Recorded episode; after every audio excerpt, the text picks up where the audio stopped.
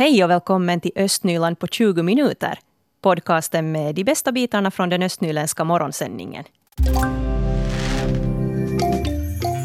Och jag har nu vår morgonreporter Fredrika Sundén med här i studion. God morgon. God morgon, god morgon.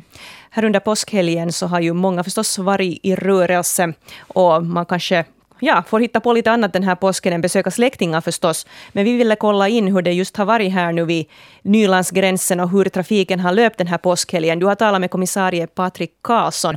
Han fick då svara på bland annat frågor om trafikmängd och sen lite också om att hur, hur de här gränserna har funkat nu här under helgen. Men eh, vi kan fast börja med att höra lite vad han hade att säga om trafikmängder och, och speciellt kanske där vid gränserna på riksväg 7. Jag har lite försökt få statistik fram och nu har jag inte några exakta siffror på trafikmängderna där på, på sjuan men att det där, jag ringde lite runt, runt dit på det där gränsen och frågade efter att hur det ser ut och fick en sån där uppskattning att, att det där trafikmängden det är ungefär en tiondel om man jämför med tidigare påskhelger. Att, att det är nog avsevärt lägre, lägre mm. än vanligt. Mm. Och där märker man då kanske det här att folk inte har möjlighet att fara till sina stugor i andra landskap. Det är ju en del östnylänningar kanske också som till exempel har stuga någonstans i Kymmenedalen eller så här. Och, och, dit har man ju då alltså inte fått ta sig nu under påskhelgen. Så att den här returtrafiken till exempel har, har varit betydligt mindre än, än vad den tidigare har varit. Eh, sen frågar jag också lite om läge vid gränserna och hurdana typer av människor det är som har försökt åka över den här nyländska gränsen här i öst. Östnyland. Och då sa han så här.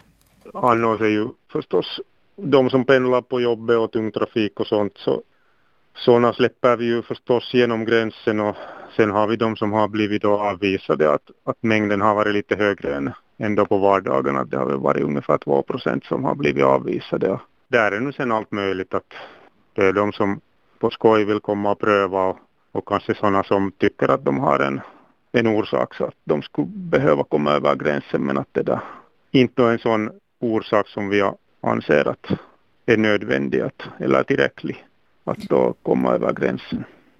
Så frågar jag också Patrik Karlsson att eh, har han hört någonting om, om det här med att folk skulle ha varit på väg till sin stuga trots allt och, och försökt komma över gränsen av den orsaken. Och han sa att något sånt har han nog inte hört om. Uh, han ville inte spekulera i det att hade funnits människor då som eventuellt har ha varit på väg till stugan på riktigt, men inte då sen bara medgett det, utan kommit på någon annan orsak. Eh, men, men eh, något sånt har han då inte fått reda på åtminstone att skulle ha skett. Men att nu kan det ju hända att det finns sådana där också bland de här som har försökt komma över gränsen. Mm, det är ju lite trist det här om man nu åker dit bara för att på skoj lite kolla om man kommer igenom. Ja, det slösar ju nog tror jag allas resurser och speciellt kanske sådana eh, personers tid som faktiskt måste ta sig över gränsen, till exempel tungtrafik och så här. Så det tar ju längre att köa sen då vid gränskontrollen om, om det är många där som inte borde vara där. Mm. Man får hoppas att de som nu är där ändå då beter sig sakligt mot poliserna. Sa han någonting, någonting om beteende? Mm, ja, han sa att eh, de flesta beter sig nog riktigt bra för att det här Nylandsgränsen har ju varit stängd nu här ett par veckor redan och alla känner till att polisen finns där. Och att man blir avvisad om man inte har någon bra orsak för att ta sig över gränsen. Han sa att förstås finns det enskilda fall där det kanske inte riktigt går till så som det borde men majoriteten förstår nog att, att man ska ta det lugnt och, och hålla sig i skinnet. Mm. No, I övrigt så talar ni lite om hurdana utryckningar man har haft under påskhelgen. Vad kunde Patrik Karlsson säga om det? No, han sa att överlag så har det varit lugnt under påskhelgen. Att antalet hemutryckningar har lite stigit, men sen har de haft igen färre utryckningar på allmänna platser. Det kan gälla till exempel störande beteende eller liknande. Eh, så i det stora hela så har mängden utryckningar sjunkit nog jämfört med tidigare påskar, men att då som sagt de här hemutryckningarna har, har blivit lite flera. Och vi fick ju ett pressmeddelande om det av eh, polisen i östra Nyland också här i, i slutet på förra veckan, eh, där de berättade att under tiden 20 mars till 5 april så hade man eh, sådana eh, hem, hemuppdrag då, 433 stycken, och av dem var familjevåld 130, 113. Och jämför man med samma siffror för, för året innan så var det 257 då hemutryckningar och 109 sådana familjevåldsuppdrag. Så att uh, ungefär samma mängd sådana familjevåldsuppdrag eh, uh, där, men att betydligt flera nog sådana hemmalarm överlag nu, nu det här året. Eh, sen frågade jag också Patrik Karlsson att har man haft något här nu i Östnyland liknande som det var diskussion till exempel här nu påskhelgen i Björneborg att polisen hade fått skingra stora ungdomsmassor som hade träffats och, och firat påsk. Och så sa han att eh, det, det, har man nog inte haft här, här i Nyland överlag. Så att här, här tycks ungdomarna ha hållit sig nog någorlunda.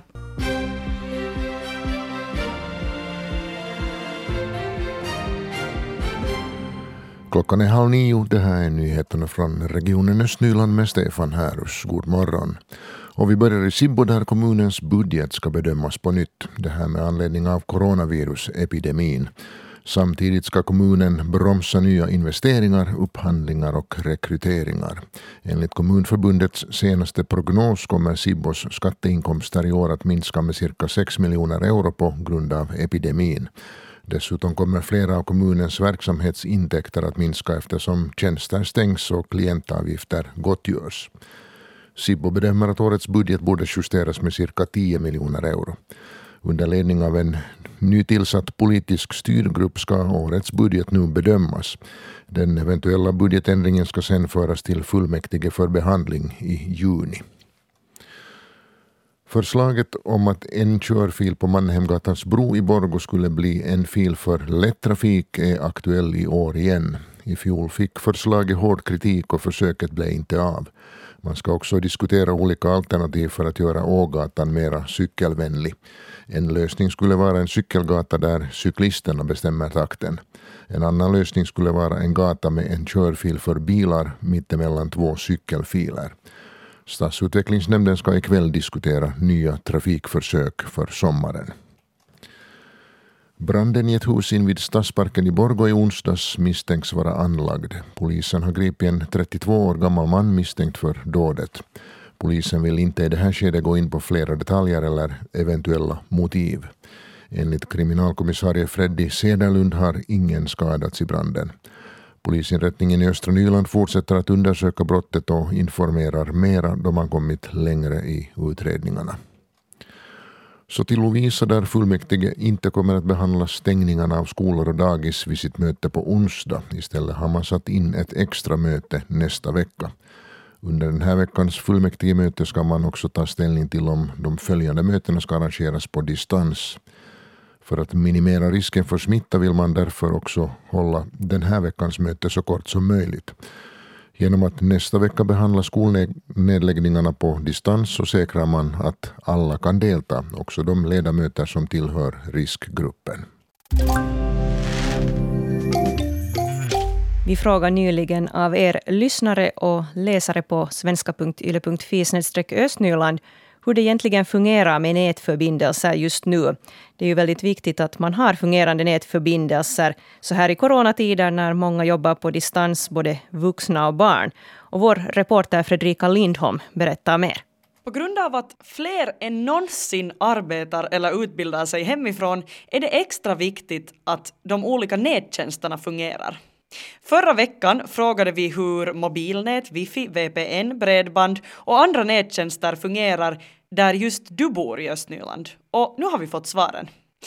Ungefär en tredjedel av de som hade svarat var nöjda med sin nätverksförbindelse och med sitt distansjobb i allmänhet. Vissa berättade att de redan förut har jobbat mycket hemifrån och att det därför inte har skett någon desto större förändring både gällande nätuppkoppling och arbete i allmänhet. Men alla var inte lika nöjda. Flest klagomål gällande nätet så kom det från Sibbo, men det verkar också förekomma problem med nätet både i Pärno och i Borgo. Jimmy Westerlund är gitarrist, musikproducent och låtskrivare. Han både bor och jobbar i Sibbo och han är allt annat än nöjd med hur nättjänsterna fungerar där. Mellan Söderkulla och Kalkstrand, hela det här området är helt katastrofalt. Jag har i fem år alltså hållit på med det här och tryckt på och ringt varenda jävla firma och varenda kontaktperson. Och de har varit hit med alla möjliga antenner och liksom, vi har provat ganska mycket faktiskt, system. Jag får sådär som bäst så får jag 3 mega. Det, går, det är svårt att fungera professionellt i, i Söderkulla helt enkelt. Jag gjorde Vain Elämä här i fjol, förra fjol var det. Så jag jobbar med ganska stora filer så jag, jag kunde liksom inte som, jag kunde liksom inte som medge till, till liksom Vain Elämä produktionsteamet, att jag inte har liksom internet. Så jag körde liksom tre, fyra gånger per dag in till K-market liksom. A, fyra kilometer per väg, liksom åtta kills per, per resa. Den där resan gjorde jag då tre, fyra gånger om dagen. För att ladda filer på K-market går den där med laptop. Och så hade jag på uh, setvärmaren i bilen så att inte läpparen skulle dö vet du. Jag har skrivit på det här Söderkulla-forumet och fick säkert 200 kommentarer liksom inom en timme. Folk är som helt slut vet du på det här, här men inte ett skit händer liksom. Där hörde vi alltså Jimmy Westerlund. Janne Kankare är säkerhetschef på Telia Finland och han säger att de nog har kunnat se en klar ökning i användningen av nätet under dagtid i alla fall.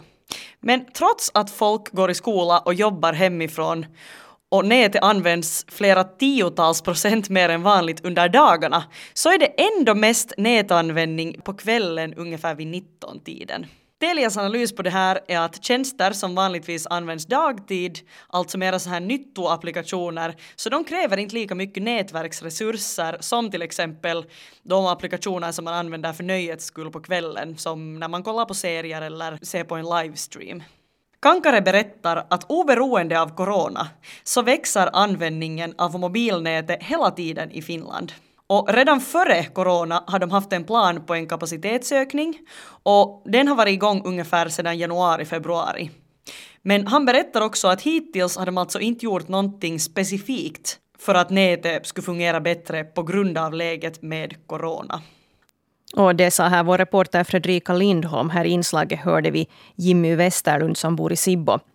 Och här på webben på svenska.yle.fi östnyland så har vi en artikel om det här. Och här är också lite exempel som man kan ta del av. Folk som har svarat här och berättat för oss vad de tycker om nätverksförbindelserna just där de bor i Östnyland. Här är en som skriver till exempel att jag bor i Sannäs och jobbar nu fjärde veckan på distans och jag hör till riskgruppen för corona. Och jag har DNAs 4G-anslutning som har fungerat klanderfritt hela tiden utom när det blev strömavbrott för någon vecka sedan och 4G-routern givetvis stängdes av. Jag bytte då till wifi delat från mobiltelefonen och kunde jobba dagen ut med det. En sån kommentar till exempel har kommit in. Och här är också en som skriver eh, fungerar bra. Inga problem fast tre barn gör sina skoluppgifter samtidigt.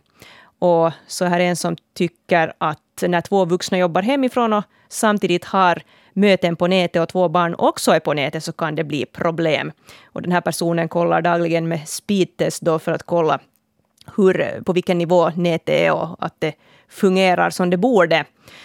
Och så är det en som skriver eh, har fyra barn, alla kan lista ut hur det är när alla är på plats. Kort sagt jobbade åtta timmar i bastun, enda ställe med lugn och ro. Mm, sådana lösningar kan man få ta till.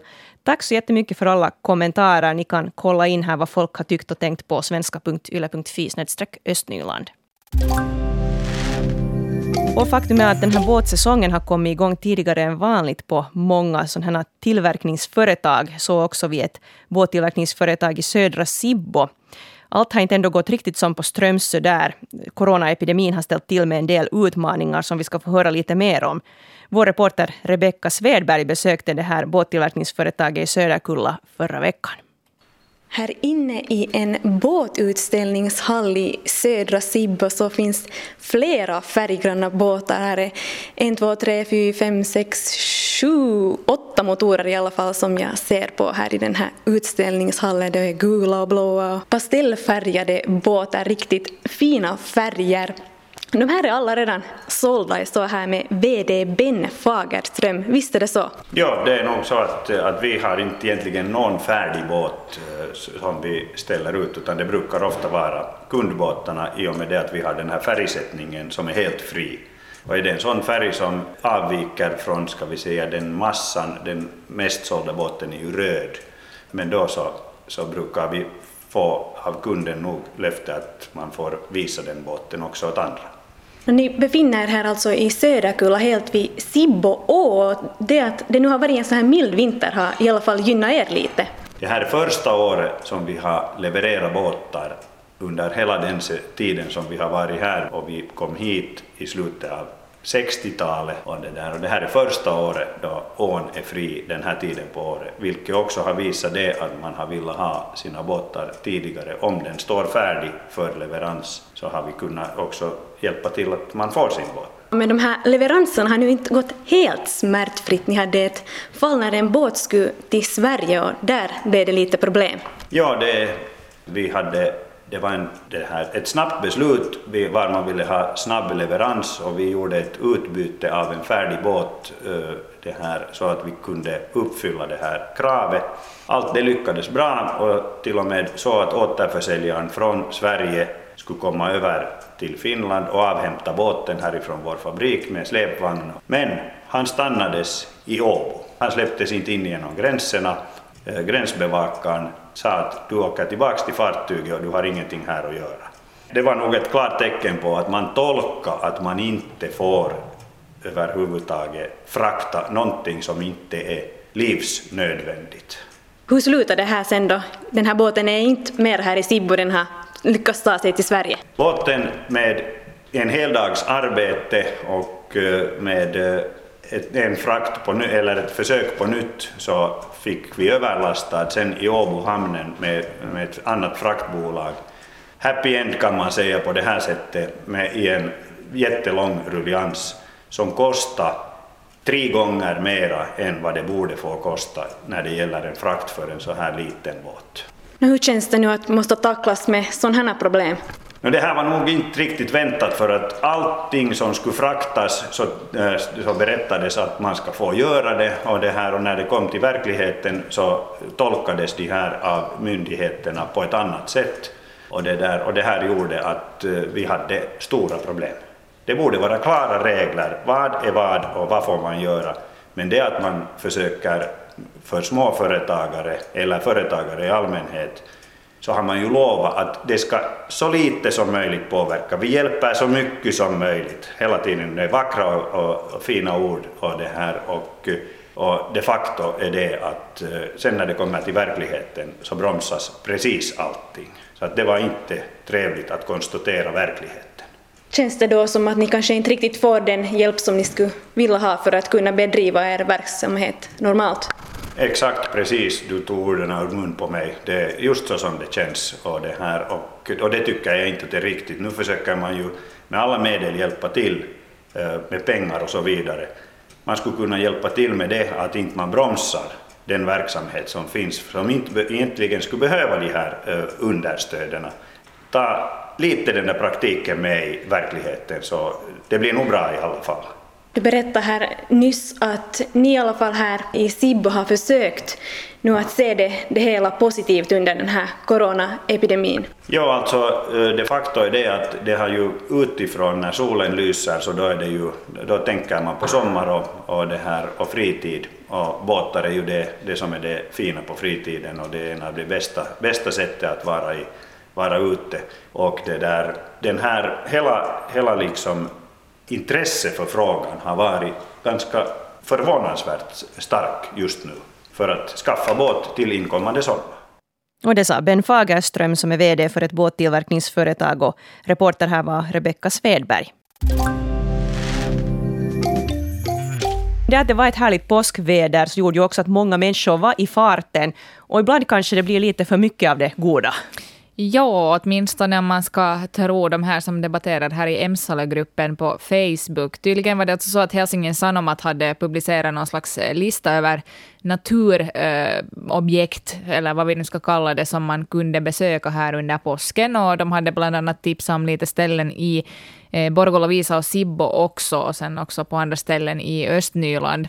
Och ett av de här tipsen som fanns i, i tidningen var Varlaxudden på Emsalö. Och det ledde kanske, delvis åtminstone, till, till lite rusning där. Det finns en video här på Facebook där man ser långa, långa bilköer ner till Varlaxudden och en massa bilar som står parkerade på sidan av vägen eh, längs med, med den här vägen ner dit. Så att eh, det, det tycks nog verkligen ha varit rusning där. Mm, och så här i coronatider så vill man ju inte att folk ska samlas i stora folkmassor. Nej, och det är ju det att man kanske känner sig lite så här falskt säker när man är utomhus och så här, men att nu kan ju det här viruset smitta ute också eh, om man inte ser till att hålla säkerhetsavstånd. Och det är ju svårare att hålla säkerhetsavstånd om man är många människor på samma plats.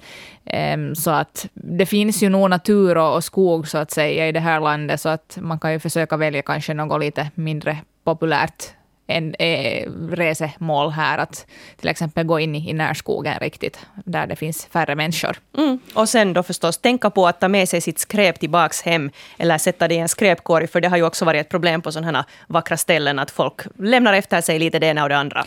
Ja, vi hade ju här för en vecka sedan också ett inslag om att det hade varit skräpigt äh, där till exempel på Varlaxudden och, och de här grillplatserna som finns där. Så att det är nog att städa efter sig också nu i, i coronatider. Och man kan ju nog ta det där skräpet med sig och kasta det i en, en skräpkorg sen när man har en sån framför sig. Östnyland på 20 minuter är en Svenska Yle-podcast. Det finns flera poddar på arenan. Jag heter Katarina Lind. Tack så mycket för sällskapet. Vi hörs.